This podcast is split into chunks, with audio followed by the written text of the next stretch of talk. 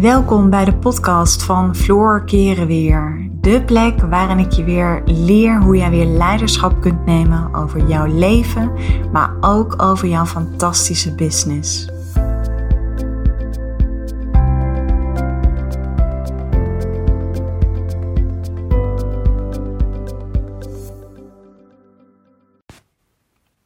Hey, wat leuk dat je weer luistert naar een nieuwe podcast. Nou, in uh, deze podcast wil ik het uh, met jou gaan hebben over waarom we toch altijd onze grootste dromen en diepste verlangens uitstellen. Of, nou ja, sterker nog, waarom we ze onderdrukken. Want, en wat ik veel zie gebeuren in de praktijk is, uh, ik weet dat als jij nu naar deze podcast luistert, dat je ergens een groot verlangen hebt of een hele grote droom.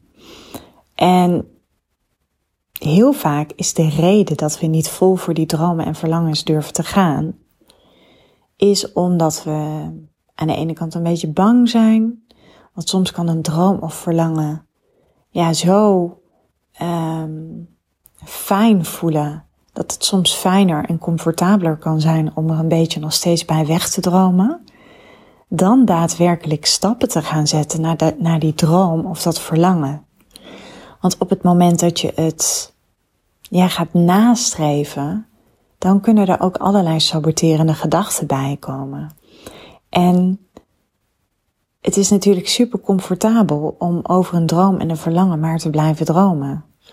En ik kan het alleen maar zeggen omdat ik dit zelf jarenlang ook heb gehad. Ik droomde er zelf jarenlang van. Um, ik denk dat ik dat al had vanaf dat ik een jaar of 8, 29 was. En ik ben nu inmiddels 41.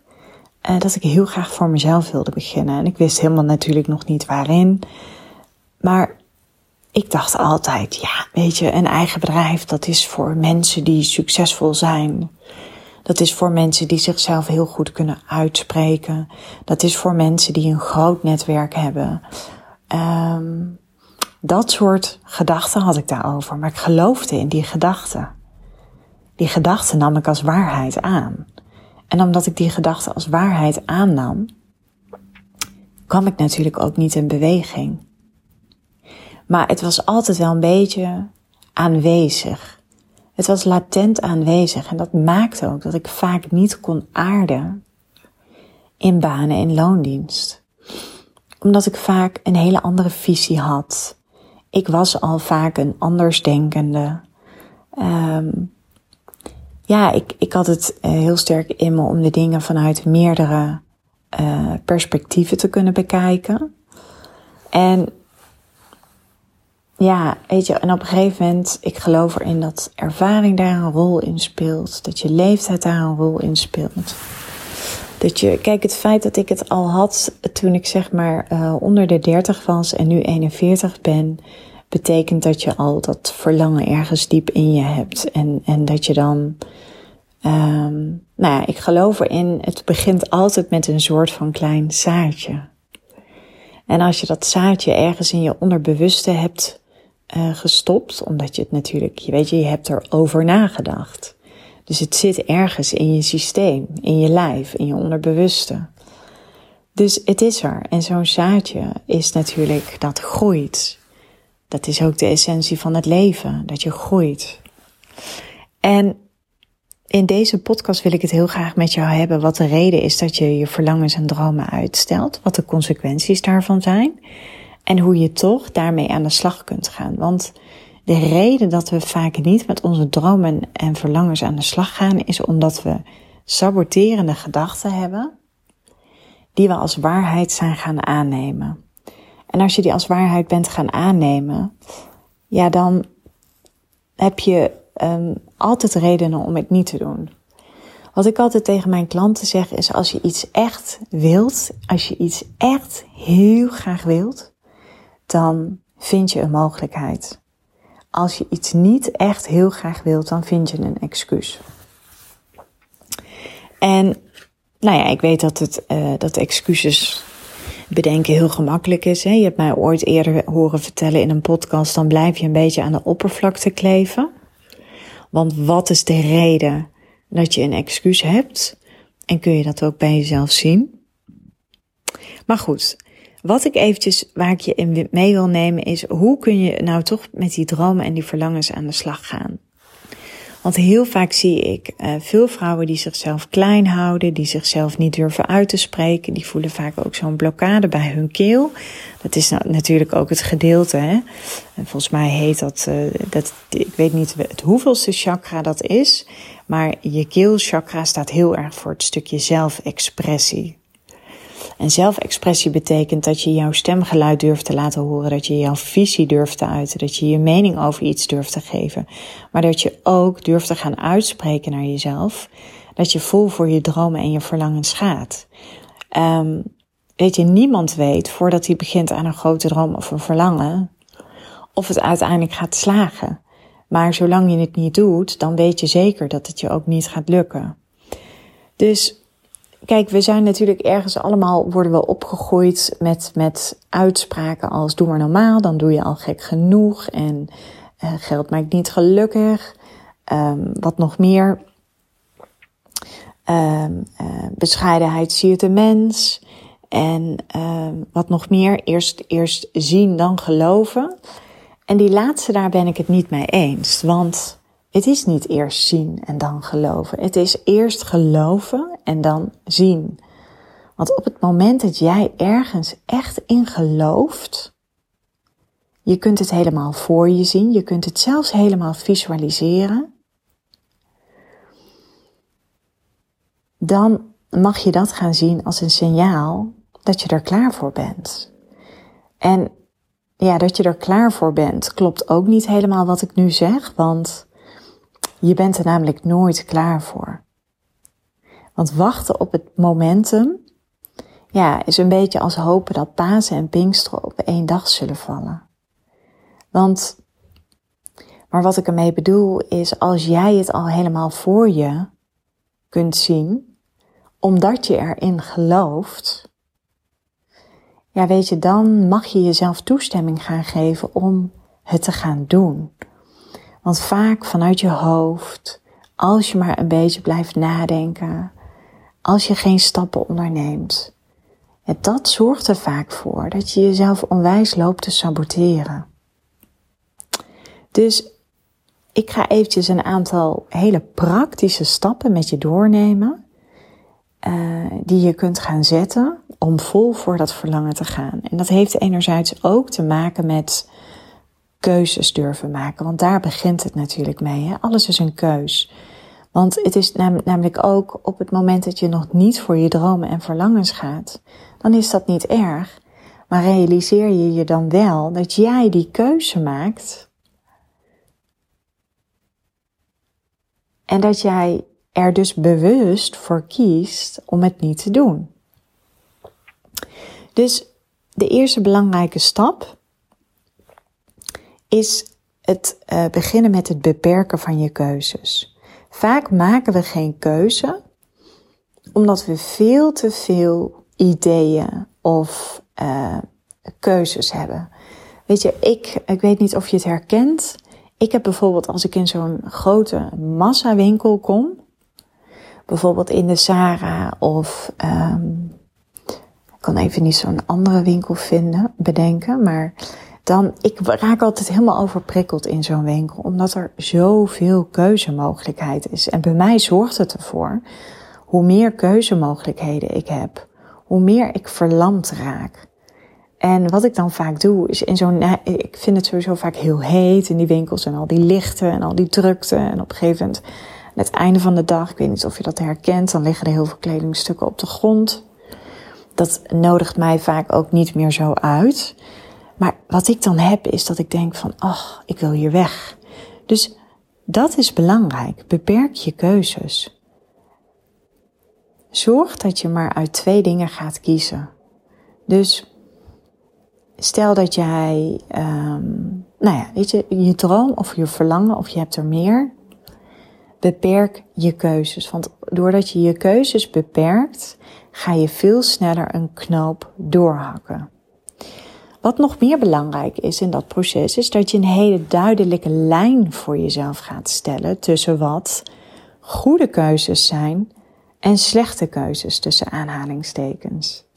Kijk, zo um, kun je een, een. Stel dat je wilt gaan sporten. Nou, ik denk dat sporten een hele goede keuze is. Dus als jij besluit om daar jouw tijd, geld en energie in te steken, voor mij persoonlijk zou dat een hele goede keuze zijn.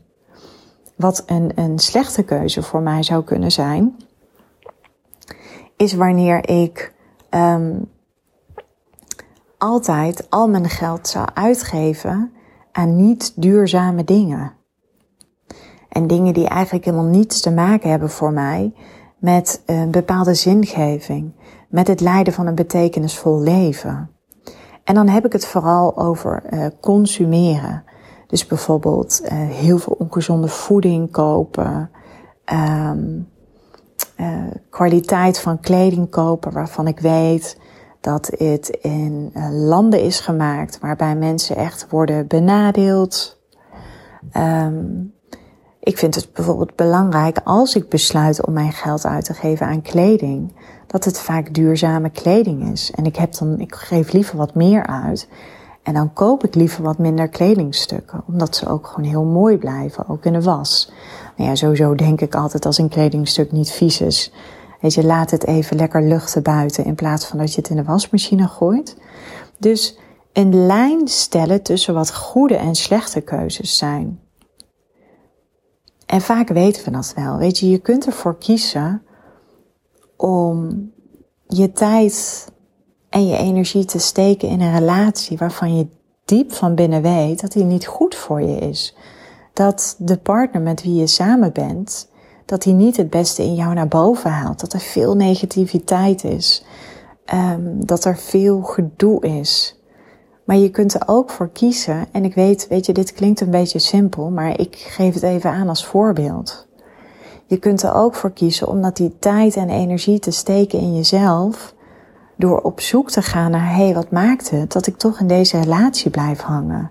Wat zegt dat over mij? Wat zegt dat over mijn eigen waarde? En dat je daarmee aan de slag gaat en dat je daar bijvoorbeeld hulp voor inschakelt. Dus de tweede is, stel een lijn tussen wat goede keuzes zijn en wat slechte keuzes zijn. Nou, nu heb ik een groot geloof in jou, want de reden dat je naar mijn podcast luistert is omdat ik je ergens inspireer op het gebied van leiderschap, op het gebied van vrouwelijk leiderschap. Dus dat betekent dat jij heel goed weet, diep van binnen, wat een goede keuze is en wat een slechte keuze is. En voor mij zijn bijvoorbeeld goede keuzes die alles te maken hebben met het investeren in mezelf als vrouw. In mijn eigen persoonlijke ontwikkeling. Investeringen die ik doe in mijn bedrijf. Maar ook uh, tijd en energie die ik steek in mijn relatie met Marco. Door bijvoorbeeld, weet je, en dat, dat hoeft, betekent helemaal niet dat je altijd een weekendje weg hoeft te gaan of wat dan ook. Maar dat je bijvoorbeeld tijd maakt om samen heerlijk te gaan wandelen. Dat je tijd neemt om uh, samen fijne gesprekken te voeren maar dat je je ook emotioneel met elkaar verbonden voelt. Want ik zeg altijd, op het moment dat je je emotioneel met elkaar verbonden voelt, is het bijvoorbeeld ook veel gemakkelijker om je lichamelijk aan iemand te geven. Want ja, laten we heel eerlijk zijn, seks is bijvoorbeeld in een relatie super belangrijk. En dan heb ik het niet over de frequentie, maar ik vind het bijvoorbeeld heel belangrijk om tijd en energie te steken in intimiteit. En ik weet dat dat voor mij uiteindelijk uh, levert mij dat meer op dan bijvoorbeeld mijn tijd te verdoen aan het kijken van series op Netflix. Dus dat is eventjes, trek een lijn tussen wat goede en slechte keuzes zijn. Dan is de derde stap daarin, is luister naar je vrouwelijke intuïtie. En je vrouwelijke intuïtie, die zit net zo onder je navel. We noemen dat ook wel de plek van de creatiekracht. Daar ontstaan alle ideeën, daar ontstaat jouw creativiteit. Maar die plek staat ook voor het leven. Dus daar borrelen vaak nieuwe ideeën. Weet je, het staat natuurlijk gelijk aan, aan geboorte. Dus heel vaak op het moment dat jij kunt intunen, en ik adviseer de vrouwen met wie ik samenwerk uh, tune een paar keer per dag eventjes in. Ga even met je aandacht naar je onderbuik. En op het moment dat je een beslissing neemt, zorg dan ook altijd dat je die niet alleen maar vanuit je hoofd neemt, maar zak even naar dat onderlijf. Want vrouwen maken natuurlijk hun hoofd leidinggevende, waardoor heel vaak de ratio de boventoon voert. En ratio is ego. En ego is niet verkeerd, hè? Ik heb het natuurlijk best vaak over ego in mijn podcast. Kijk, het bestaansrecht van ego is angst. En jouw ego wil jou beschermen tegen angst, tegen eenzaamheid, tegen afwijzing. En dat is natuurlijk ook omdat we hebben te maken met een eeuwenoud brein in een westerse maatschappij. En dat betekent dat heel vaak ons ego nog, uh, als er dreigend gevaar is, en het is vaak als jij dingen doet buiten je comfortzone, uh, dat verklaart ook waarom we vaak bij veranderingen wat weerstand voelen. Ja, dat is heel normaal. Dat is ook gewoon hoe ons brein functioneert. Want in de, in de, in de essentie houden wij mensen niet van veranderen.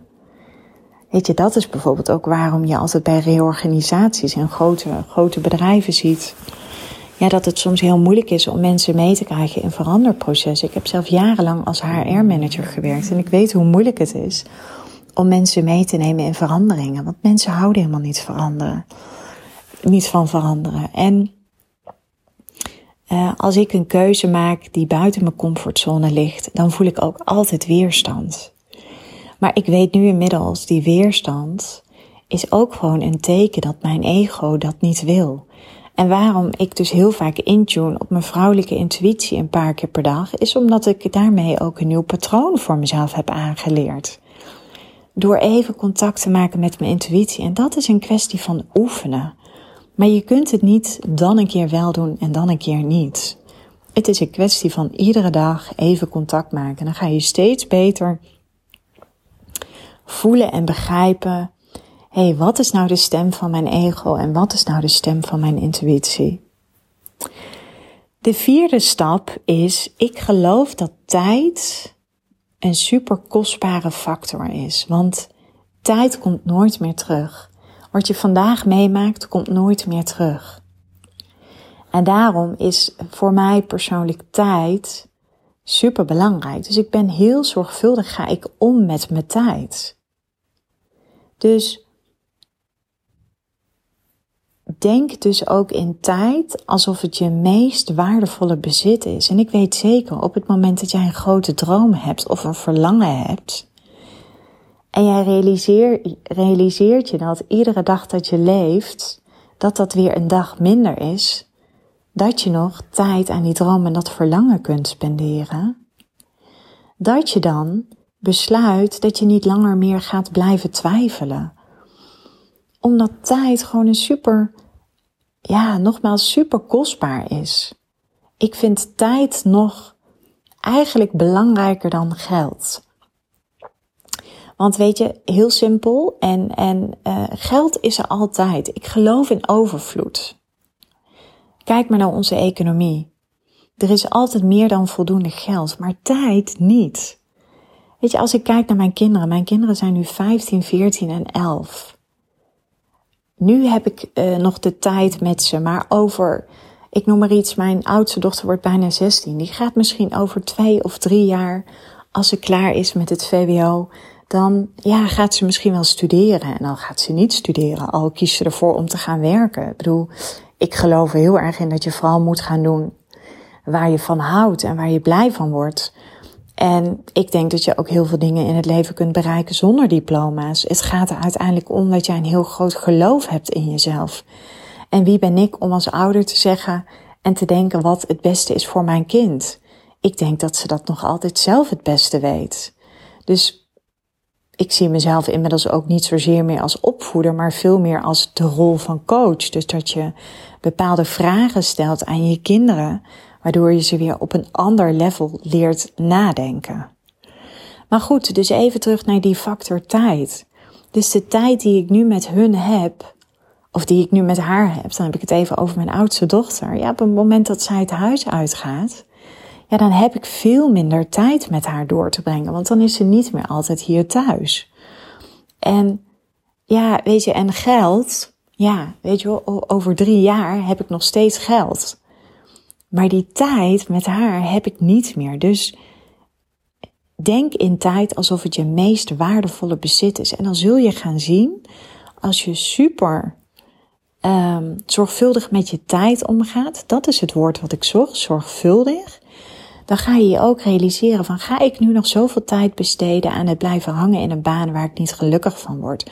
Of ga ik door met, met deze doel, doelgroep in mijn business waar ik helemaal niet meer blij van word? Ga ik door met het werken met, met deze klanten waar ik misschien helemaal niet meer blij van word? Omdat ik voel dat er nog een hele andere klantengroep is waar ik veel blijer van word. Dus dat is eventjes de vierde stap. De vijfde stap is, weet dat jouw besluitvaardigheid groeit wanneer je steeds gemakkelijker keuzes gaat maken. Kijk, je kent mijn gouden regel. Ik geef mezelf niet meer dan 24 uur de tijd om een beslissing te nemen. En dat is super fijn, want sowieso in mijn bedrijf, ik moet de hele dag door beslissingen nemen. En omdat de factor tijd super belangrijk voor mij is, is dit voor mij echt een soort van um, ja, mantra is het geworden. Het is echt een mantra geworden dat ik weet 24 uur de tijd, dan weet ik dat het gezakt is naar mijn intuïtie. En dan weet ik gewoon inmiddels dat ik de antwoorden heb of ik iets wel of niet ga doen. En ik zal dan ook nooit, als ik besluit om het niet te doen, zou ik nooit een excuus bedenken. Maar dan zal ik altijd zeggen, ik heb het wel overwogen, uh, in mijn intuïtie laten opnemen. En ik voel nu op dit moment dat mijn intuïtie aangeeft dat ik deze keuze niet maak. Omdat, puntje, puntje, puntje. Dus zorg ook dat je het naar jezelf gegrond kunt uitleggen. Soms is het heel goed om woorden te kunnen geven aan je vrouwelijke intuïtie. Dat maakt het soms net wat gemakkelijker, want je intuïtie is vaak een innerlijk weten, dingen weten zonder te weten waarom je ze weet. En soms kan het heel fijn zijn om daar toch woorden aan te kunnen verbinden. Want dan kun je het ook naar jezelf uitleggen. Kijk, je hoeft je nooit te verantwoorden naar anderen, zeg ik altijd. Maar het is wel fijn om het naar jezelf uit te kunnen leggen. Van wat maakt dan dat mijn intuïtie nu zegt dat ik, uh, dat ik het niet ga doen? En heel vaak weten we dat wel. Alleen neem ook de tijd om uh, te voelen en als je altijd maar in de overleefstand staat of je leeft op de automatische piloot, dan gaan we heel vaak de stap van het voelen overslaan. En dan blijven we maar denken en dan nemen we vanuit de ratio, oftewel van ego, vanuit ego, nemen we besluiten. De laatste stap is, onthoud dat besluiteloosheid killing is. Hoe meer je blijft uitstellen, hoe meer je blijft twijfelen, hoe meer je geen besluiten neemt, dan zijn dat allemaal patronen die je jezelf aanleert. En patronen, ik zie het voor me, dat zijn van die diepe groeven in je hersenen. Zie het als een grote berg waar allemaal gas over groeit. En op een gegeven moment krijg je zo'n paadje daarover. Dus het gas verdwijnt. En er ontstaat zo'n zandpaadje. En steeds meer mensen lopen daar overheen. En hoe, hoe meer mensen daar overheen lopen, hoe dieper die groef wordt. Hoe dieper dat patroon wordt. En zo is het ook in je brein. Dus op het moment dat je altijd maar dingen uitstelt, voor de makkelijkste weg kiest, voor de veiligheid kiest, voor zekerheid gaat, dat betekent dat er nog best wel heel veel angst aanwezig is. En waar angst is, ontwikkelt men zich niet meer, zei ik altijd toen ik nog als HR-manager werkte. Als er angst is, dan is er geen ruimte voor vertrouwen. Want angst en vertrouwen kunnen nooit naast elkaar tegelijkertijd bestaan. Dus shift naar vertrouwen en zorg dat je iemand wordt die gemakkelijker besluiten durft te nemen. En je dromen en verlangens constant maar uit blijven stellen. Weet je, misschien heb jij nu op dit moment wel een hele grote droom om voor jezelf te gaan beginnen. Ik weet namelijk dat op dit moment zie ik steeds meer vrouwen. En dat zijn vaak de hele sensitieve en intuïtieve vrouwen. Die kunnen vaak niet meer goed aarden in een baan in loondienst. En dat komt omdat deze vrouwen ergens ook een stukje spiritualiteit in zich hebben. Sommige van deze vrouwen zijn al spiritueel ontwakend. Um, en op het moment dat jij spiritueel ontwaakt bent, dan ga je vaak zien dat je veel meer uh, zingeving en, uh, nou ja, ik noem het ook wel bezieling, um, een betekenisvol leven wilt leiden.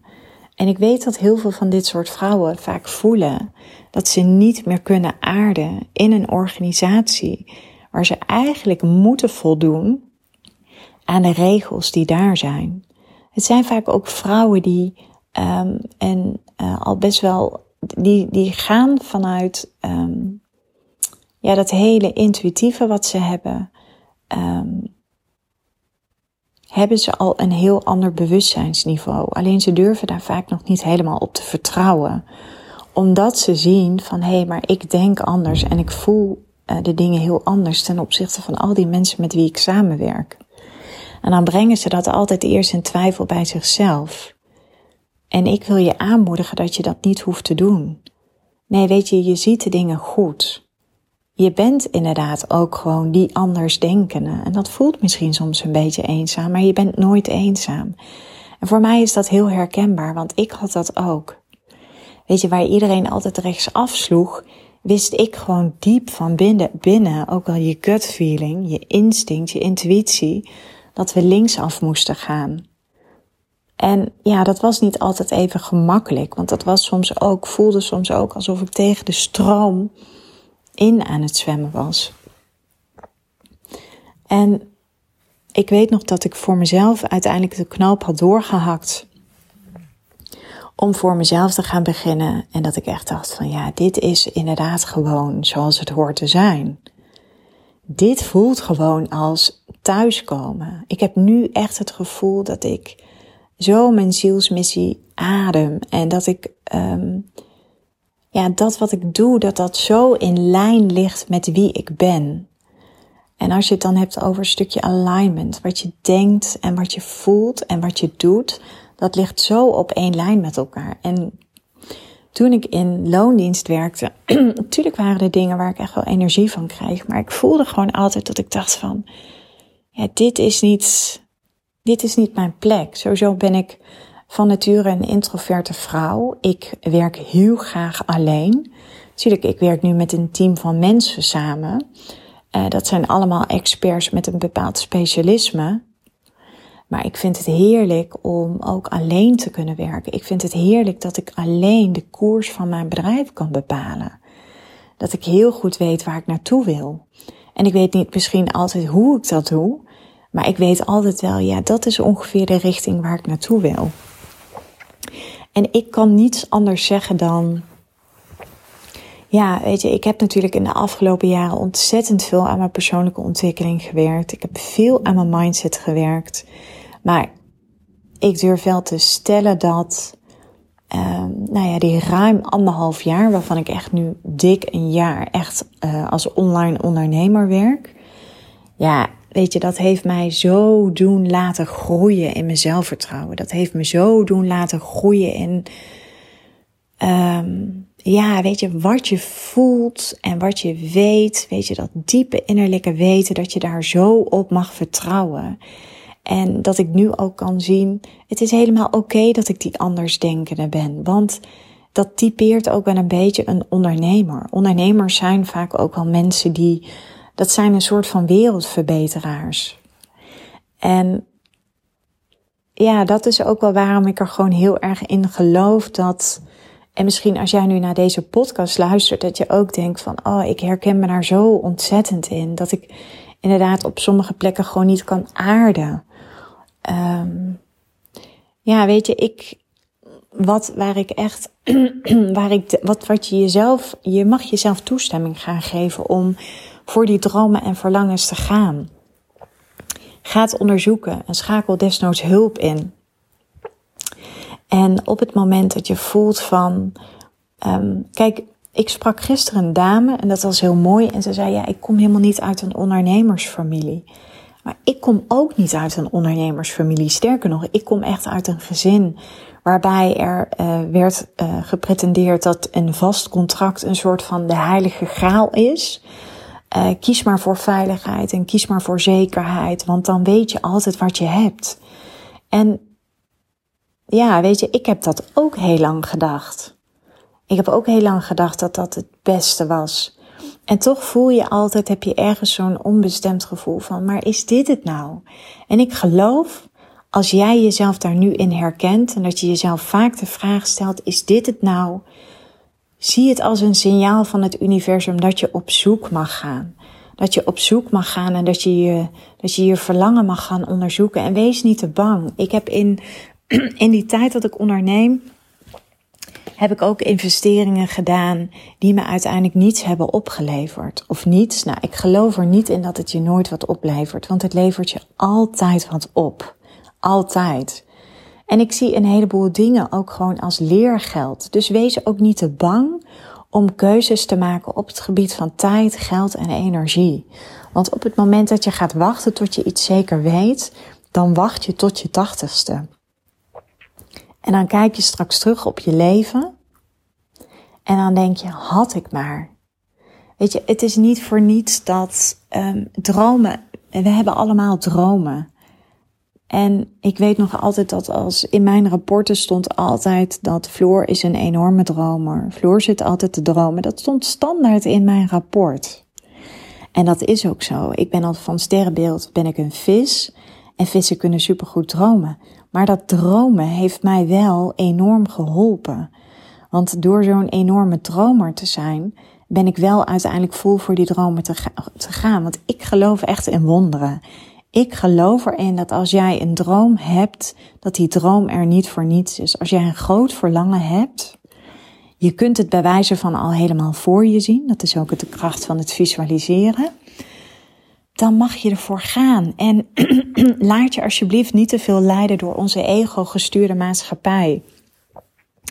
Waarbij er tegen je wordt gezegd van, ja, maar dromen zijn ook maar dromen en dromen zijn bedrog. Nee, dromen komen vanuit je onderbewuste. En dat betekent dat er ergens al een zaadje ooit in jou geplant is. En dat jij dat zaadje mag laten gaan ontkiemen. Dus, als je nog twijfelt om vol voor die dromen te gaan en wat het is, stel dat je zegt ik wil graag ergens een bed and breakfast gaan beginnen of ik wil een retreat gaan geven in Spanje. Of ik wil als coach aan de slag. Uh, wat het dan ook is. Laat het me sowieso weten, want ik vind het gewoon heel erg mooi om te weten. Ook om een beetje gevoel te krijgen bij. Ik weet dat ik ontzettend veel uh, luisteraars heb. Um, dat kan ik zien aan, uh, aan de cijfers van hoe vaak mijn podcasts worden gedownload. En soms voelt het ook een beetje anoniem. Dat ik zo ontzettend benieuwd ben naar, um, ja, weet je welke vrouwen. Ik ga er even vanuit dat er alleen maar vrouwen naar mijn podcast luisteren. Uh, en mannen zijn natuurlijk uiteraard ook welkom. Alleen ik heb natuurlijk heb ik het wel heel vaak over hele feminine dingen in het leven. Alhoewel mannen hebben net zo goed feminine waarden. Maar laat het me eens weten. Laat me jouw droom eens weten. En uh, je kunt me altijd via Instagram, kun je me altijd een DM'tje sturen. En uh, ja, ik ben gewoon heel erg benieuwd. Dus ja, deze stappen die, uh, die gaan jou absoluut helpen. Op het moment dat jij met deze stappen aan de slag gaat, weet ik zeker dat jij dat verlangen wat je in je hebt, ja, dat je daar gewoon vol voor durft te gaan. Want iedereen die, op die, iedereen die zeg maar uiteindelijk vol voor zijn verlangen is gegaan en zijn dromen heeft waargemaakt. Kijk, waar ik echt tot op het bot in geloof is op het moment dat jij een droom hebt en je er vol voor gaat en je je commit. En commit is niets meer dan toewijding en er iedere dag prioriteit van maakt, dan weet ik zeker dat die droom uit gaat komen. Zo ben ik uiteindelijk, heb ik ook mijn bedrijf super succesvol weten te maken in het eerste jaar. En ja, dat betekent, daar heb ik ook offers voor moeten leveren. Want als je ergens vol voor wilt gaan, betekent het dat je altijd ergens op inlevert. Nou, ik heb er bijvoorbeeld gekozen om in dat eerste jaar van het ondernemen echt mijn sociale contacten op een lager pitje te zetten. Voor mij was het niet onderhandelbaar dat ik uh, concessies deed in mijn relatie en in mijn gezin, maar wel ten aanzien van mijn sociale contacten. En er waren ook mensen die waren daar niet blij mee, maar ja, weet je, dat mag. Dat mag en dat snap ik ook. Alleen ik wil je hiermee aangeven dat als je voor het een gaat, zul je altijd iets anders moeten laten. En dat heeft alles te maken maar waar, waar jij je aandacht um, op richt, daar groeit ook de energie. Ik, het is, ik kan even niet op het woord komen. Where energy goes, nee, where intention goes, energy flows, zoiets. Dus dat is even belangrijk om te weten. En weet je, waarom zou je jezelf nog tegenhouden? Waarom zou je jezelf nog klein houden? Want dat is wat je doet op het moment dat je niet vol voor je dromen en verlangens durft te gaan. Waarom zou je jezelf niet uitspreken? Waarom zou je niet, um, ja, weet je, jezelf toestemming gaan geven om er vol voor te gaan? Geef eens één goede reden. En moet dan die ene reden de reden zijn dat je het niet gaat doen, terwijl daar honderden andere redenen tegenover staan om het wel te gaan doen? En heel vaak is die ene reden waar we ons door laten tegenhouden. Want als je het antwoord op de vraag hebt, waarom zou je je laten tegenhouden? Dan kom je altijd uit bij een reden waar angst aan ten grondslag ligt. En als je je altijd maar door angst laat leiden, dan ga je ook altijd ja, weet je, dan, dan ga je een beetje in een soort van kramp leven. En dan krijg je inderdaad gedachten als, is dit er nou? Ik heb het gevoel dat er nog zoveel meer in me zit, maar het komt er niet uit. Lieve vrouw, ik ga deze podcast afronden. Ik wil weer ontzettend bedanken voor het luisteren en uh, tot later.